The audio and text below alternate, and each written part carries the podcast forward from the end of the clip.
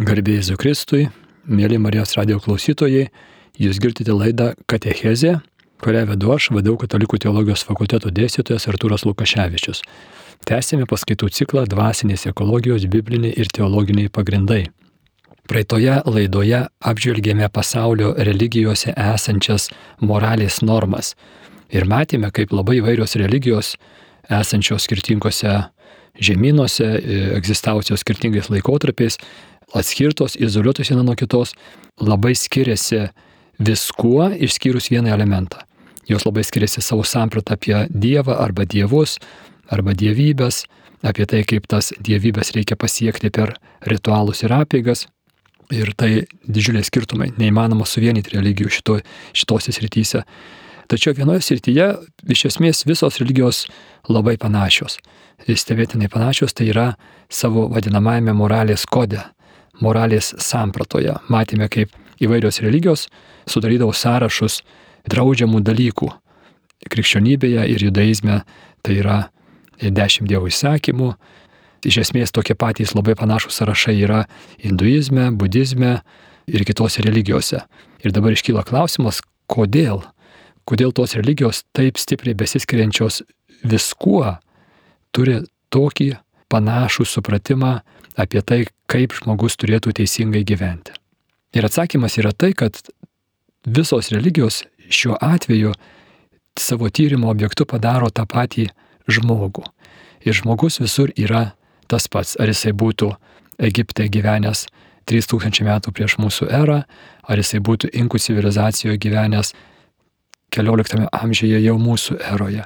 Yra tas pats žmogus ir jį tyrinėjant įvairių religijų išminčiai, mokytojai, e, atidžiai žvelgdami į save pačius, į greta esančius žmonės, išskyrė tam tikras struktūras, išvelgė tam tikras taisyklės.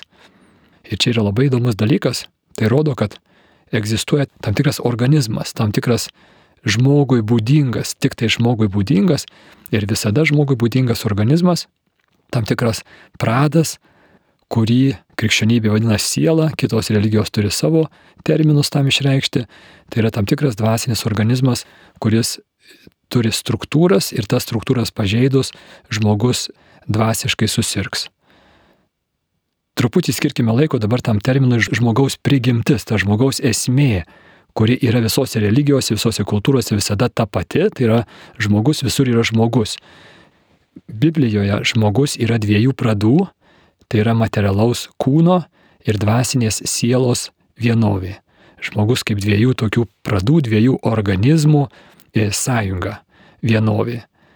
Tas žmogaus prigimtis tai yra tai, ką mes turime nuo gimimo, kas žmogui būdinga nuo gimimo, nors prigimtį turi tiek gyvi, tiek negyvi dalykai. Mūsų lietuviškas žodis prigimtis kyla iš veiksmažodžių gimti, tačiau nors ir negyvi dalykai, jie negimsta, bet jie turi prigimtį. Prigimtis yra ta giliausia dalyko ar to daikto esmė. Žvirblis turi žvirblio prigimtį, beržas beržo, akmuo akmens, stalas stalo. Nėra labai lengva nusakyti, kas yra ta prigimtis. Filosofinis terminas. Mūsų tikslams mes imkime tokį paprastą darbinį apibrėžimą. Tai yra tai, kad žmogaus prigimtis yra visuma to, kas sudaro žmogų. Visuma to, kas sudaro būtybę, vadinama žmogus, biblinio mokymu, biblinio supratimu žmogų sudaro du pradai - materialus pradas ir dvasinis pradas. Jie abu yra realūs, dėl materialaus kūno realumo mes nebejojame, jį tyrinėja daug mokslų, ypatingai medicina. Dabar dėl dvasinio prado realumo vakarų pasaulis per paskutinius kelišimtus metų pradėjo abejoti. Tačiau nuo to, kad kažkas tai abejoja, dalykai nenustoja egzistuoti, jie yra tokie, kokie yra nepriklausomai nuo mūsų žinojimo, tikėjimo, norėjimo. Ir mūsų siela egzistuoja, visos pasaulio religijos tuo yra įsitikinusios tame tarpe ir krikščionybė, ir judaizmas, biblinės religijos. Ir žmogaus siela priklauso kitokiai realybei, nematerialiai realybei, bet tai yra realybė, tai yra dvasinė realybė ir mūsų siela yra tam tikras dvasinis organizmas, turintis tam tikras struktūras, tos struktūros gali sutrikti ir mūsų siela gali susirgti. Lygiai taip pat kaip mūsų kūnas yra tam tikras organizmas turintis tam tikras struktūras, kurios gali sutrikti ir tada mūsų kūnas susirgs, jį galima pagydyti, kartais jau neįmanoma pagydyti, bet man labai svarbu, kad mes pamatytume tą to organizmo realumą. Tai yra tai, kad taip kaip kūnas yra organizmas su savo struktūromis, su savo dėsningumais, jeigu mes į tos dėsningumus nesižvelgsime, tai tada mes savo kūnui pakenksime. Na, pavyzdžiui, jeigu mes valgysime per daug maisto, ar per mažai maisto, ar netinkamą maistą, tai mūsų kūnui, mūsų kūno struktūroms tai gali netikti ir jos gali susirgti. Tai lygiai taip pat ir mūsų dvasinės organizmas, mūsų siela turi tam tikras struktūras, kurios gali būti sutrikdytos ir tada mūsų siela susirgs. Ir mūsų materialusis pradas, mūsų materialusis kūnas turi savo tam tikrus dėsningumus, tam tikrus kūno prigimties dėsnius, kurie yra neišgalvoti, bet yra tiesiog, jisai funkcionuoja pagal tuos dėsningumus. Ne tai, kad kažkoks tai išminčius ar, ar politikas ar karalius atėjo ir, ir nustatė štai kūno dėsningumai, kūno dėsningumais laikysime tokius ir tokius. Ne, jie yra atrandami, jie yra išvelgiami per mokslą, per, per tyrimus, yra išvelgiami kūno dėsningumai. Lygiai taip pat ir mūsų sielos dėsningumai, mūsų dvasinio prado prigimties dėsningumai egzistuoja nepriklausomai nuo to, ar mes jais tikime, ar mes juos žinome, jie kyla iš to, kas siela yra, iš tos sielos prigimties. Į tuos dėsnius gilinasi, juos nagrinėja pasaulio religijos, taip pat ir krikščionybė. Pažeidus tuos dėsningumus mes pakenkėme savo sielos sveikatai, vėlgi nepriklausomai nuo to, ar mes tuo tikime, ar mes to norime. Lygiai taip pat kaip žmogus gali sakyti, man koks nors nesveikas maistas nekenkia. Kartais paaugliai sako, man kasdien gerti du kartus per dieną arba tris kartus per dieną Coca-Cola ir valgyti ten kokį tai čipsus kokius nors pakepintus e, nekenkia. Kenkia tik tai dar tau 15 metų ar, ar, ar kažkiek tai dar esi jaunas ir todėl dar nejauti, kad kenkia, bet, bet ateis laikas po 10, 20, 30 metų ir skrandis duos žinę, kad jau negerai. Arba kartais žmonės sako, dabar visi taip daro, dabar visi nesveikai matinasi. Nuo to niekas nesikeičia, mūsų skrandžiai yra tokie, kokie yra ir jie prakiurs tiesiog visų tų žmonių, kurie, arba daugumos tų žmonių, kurie neteisingai maitinasi, nepriklausomai nuo to, ar jie tuo tiki ar netiki. Tai čia labai svarbu šitą išvelgti, taip kaip mūsų kūniški dėsningumai, mūsų kūnų, kūniškojo organizmo dėsningumai egzistuoja ir juos pažeidus mūsų kūnai susirgs. Lygiai taip pat ir mūsų sielų, tai yra mūsų dvasinių organizmų dėsningumai egzistuoja, nepriklausomai nuo to, ar mes jais tikime ir juos pažeidus mūsų sielos susirgs. Ir tie moralinio kodo sąrašai esantys pasaulio religijose yra nekas kita kaip dėsningumai, kaip mūsų dvasinio organizmo, mūsų sielų dėsningumai, kurių laikantis mūsų sielos bus sveikos, mes galėsime džiaugtis gyvenimu, jeigu mes jų nesilaikysime, mūsų siela susirgs ir, ir mes prarandam tą gebėjimą būti savo dvasia sveiki, kuris iš esmės tas sveikumas reiškia gebėjimu džiaugtis gyvenimu. Toks paprasčiausias pavyzdys tai būtų pavydas ir godumas. Visi esam, visi žinom, kas tai yra.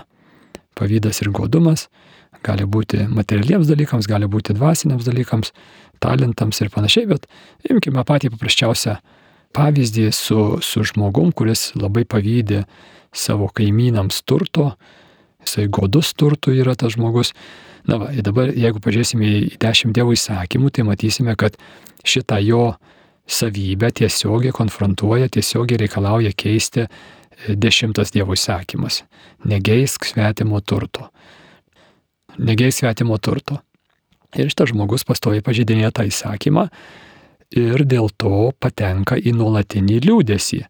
Nes pavydas yra, pastebėkim savyje, pamatysime, pavydas yra liūdėsys. Liūdėsys dėl kito sėkmės, materialinės sėkmės ar, ar kokios tai kitokios sėkmės sporte, moksle, darbe sėkmės. Ir pavydėdamas aš liūdžiu, man liūdna yra.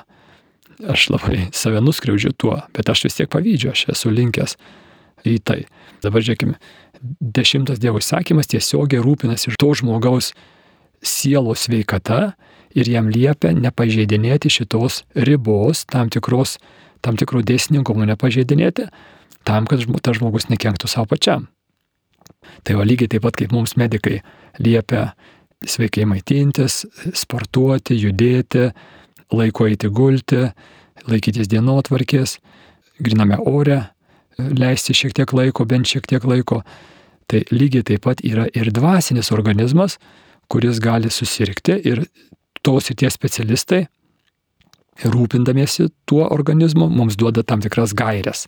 Ir matome, kad visos pasaulio lygios, tame tarp ir krikščionybė, turi tų gairių sąrašus, jos labai panašios, iš esmės e, sutampa.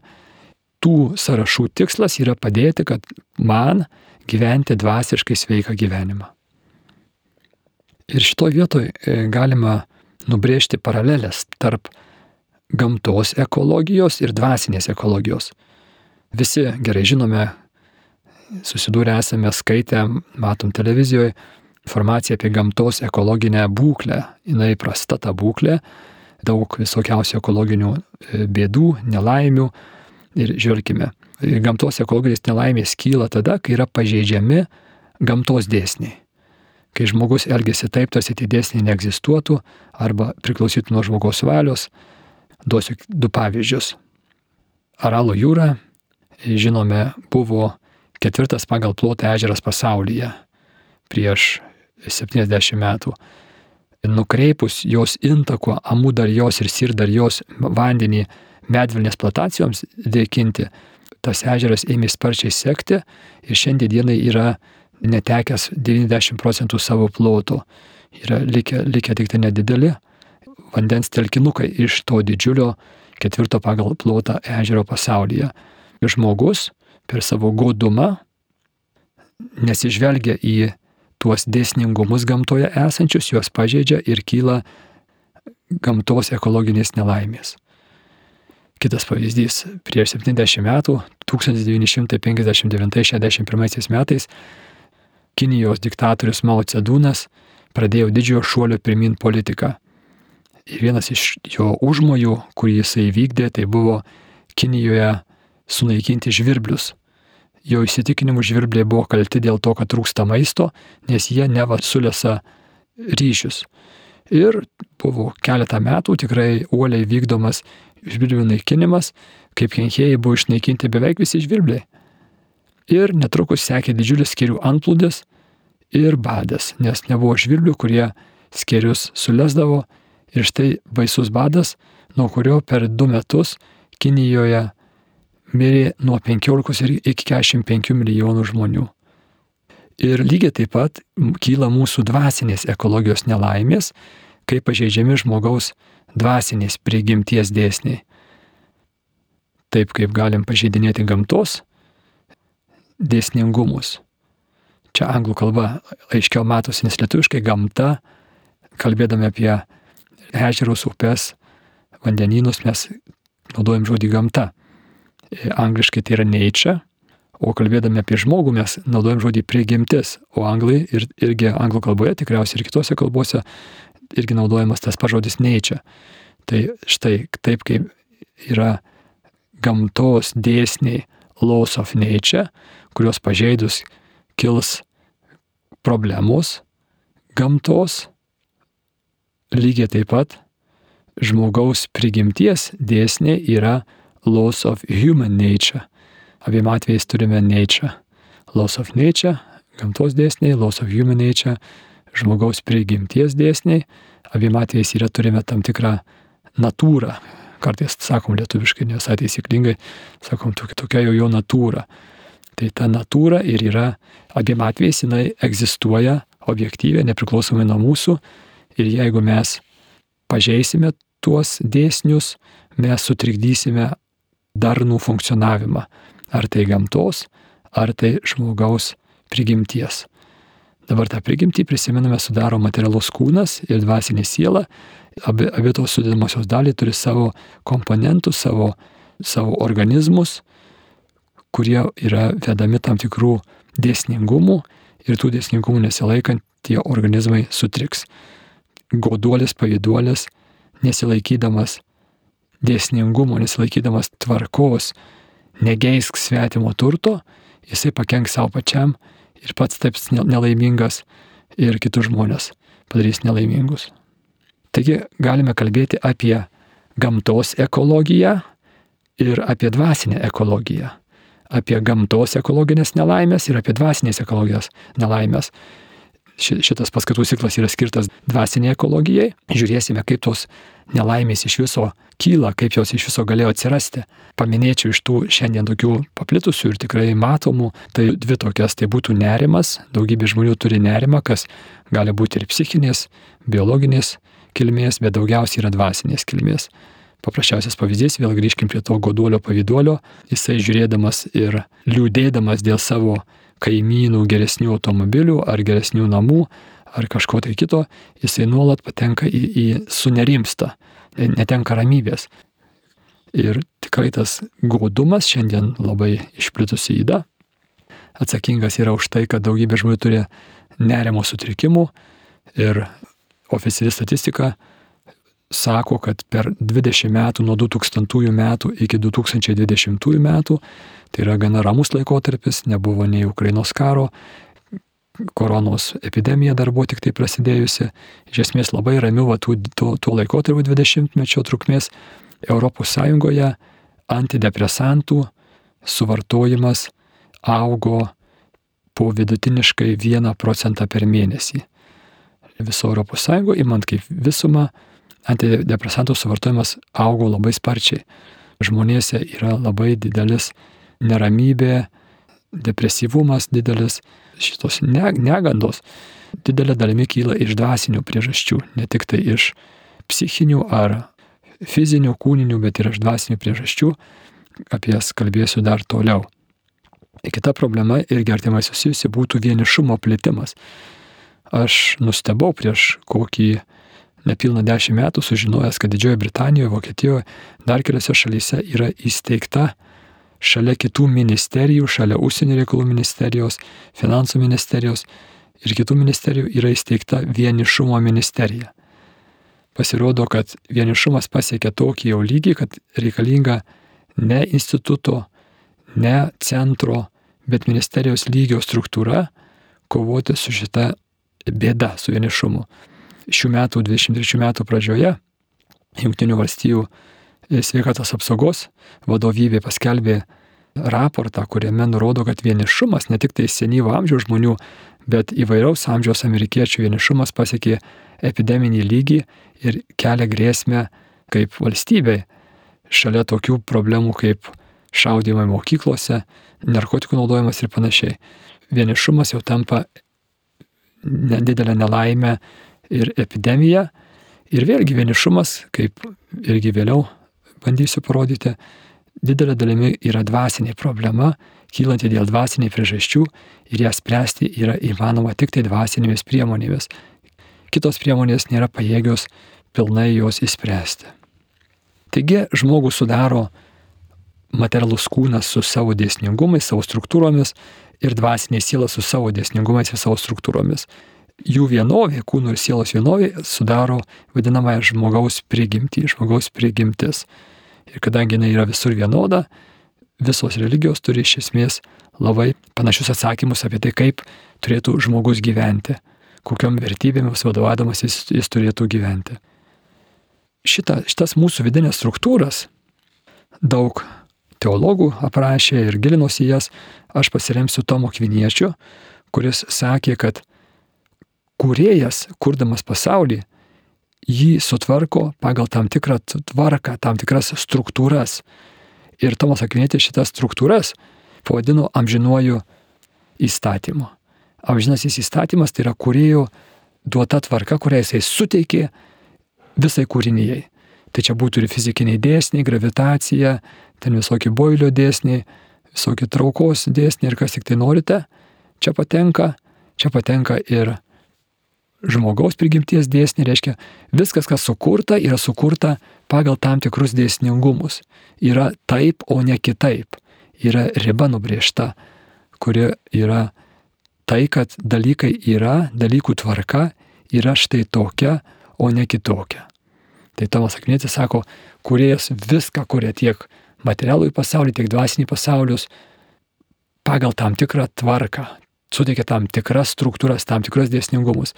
Ir tos va struktūros, tie dėsningumai ir yra amžinasis įstatymas.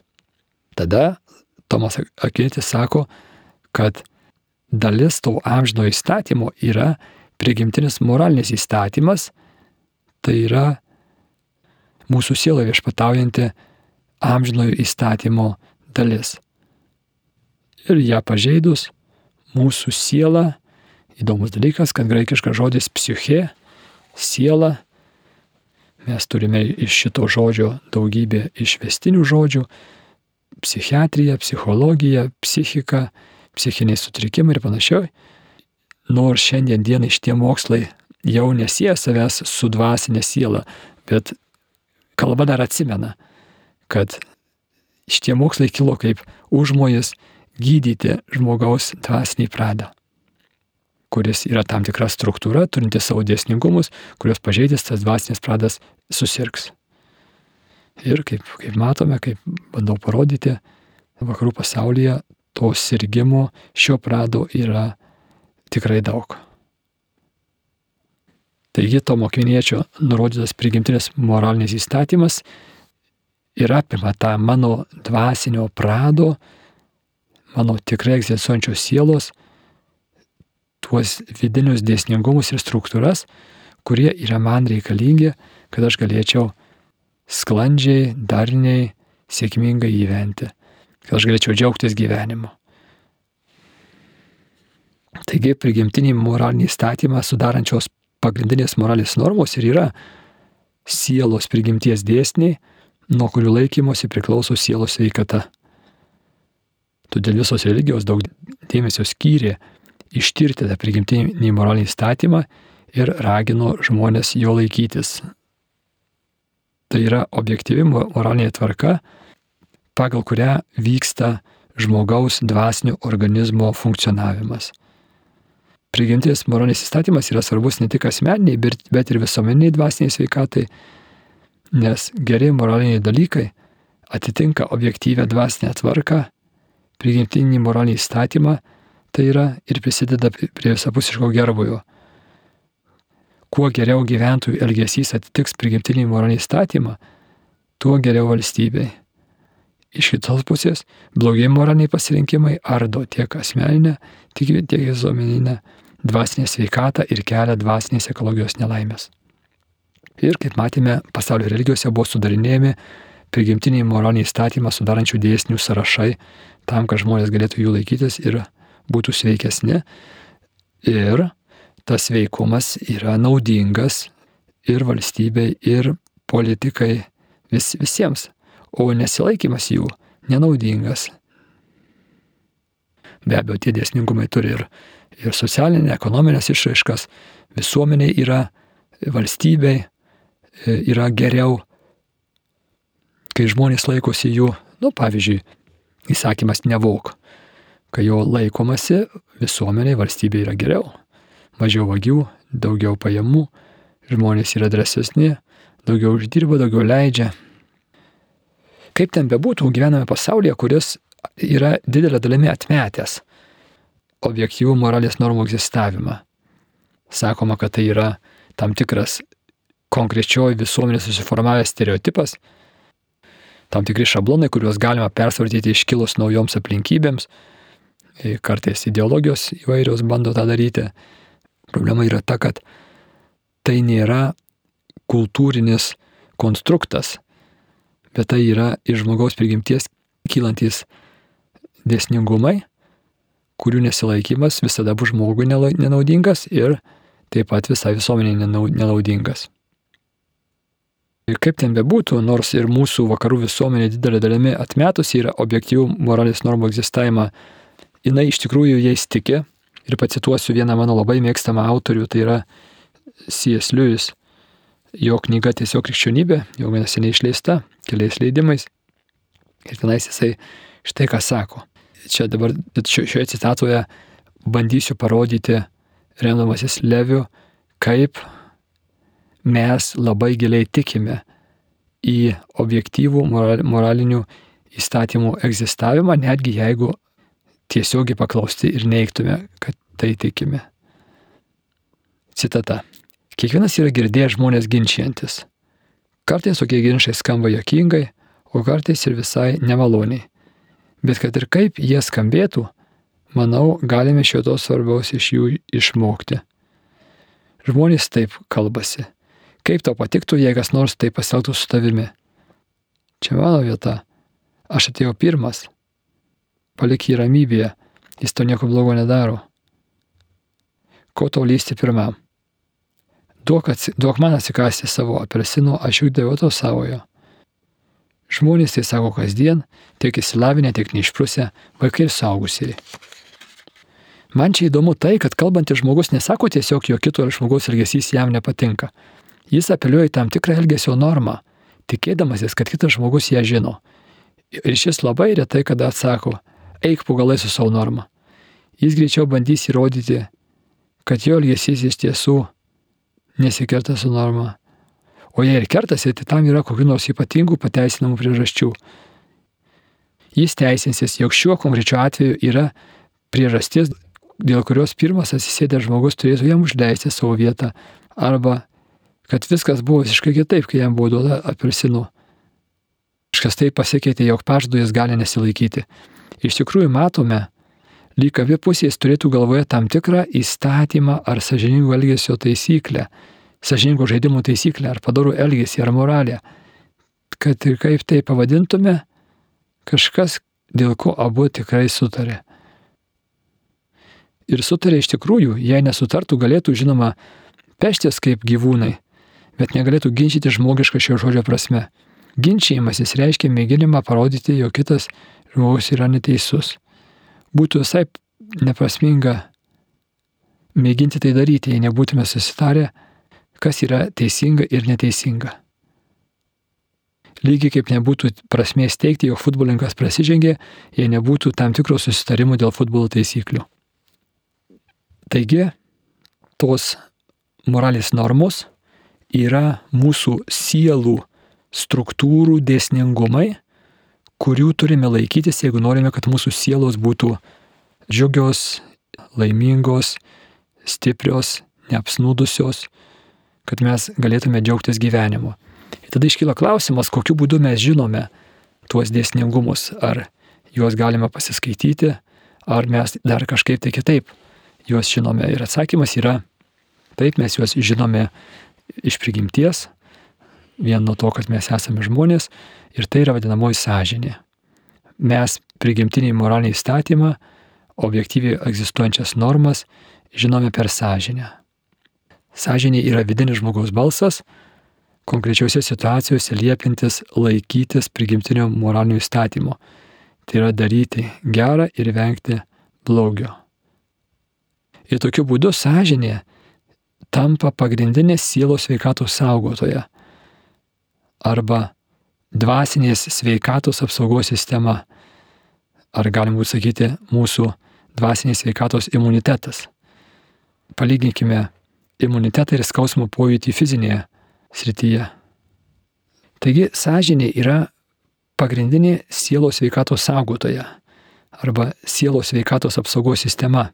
Dar sąžinę būtų galima palyginti su dvasiniais sveikatos imunitetu.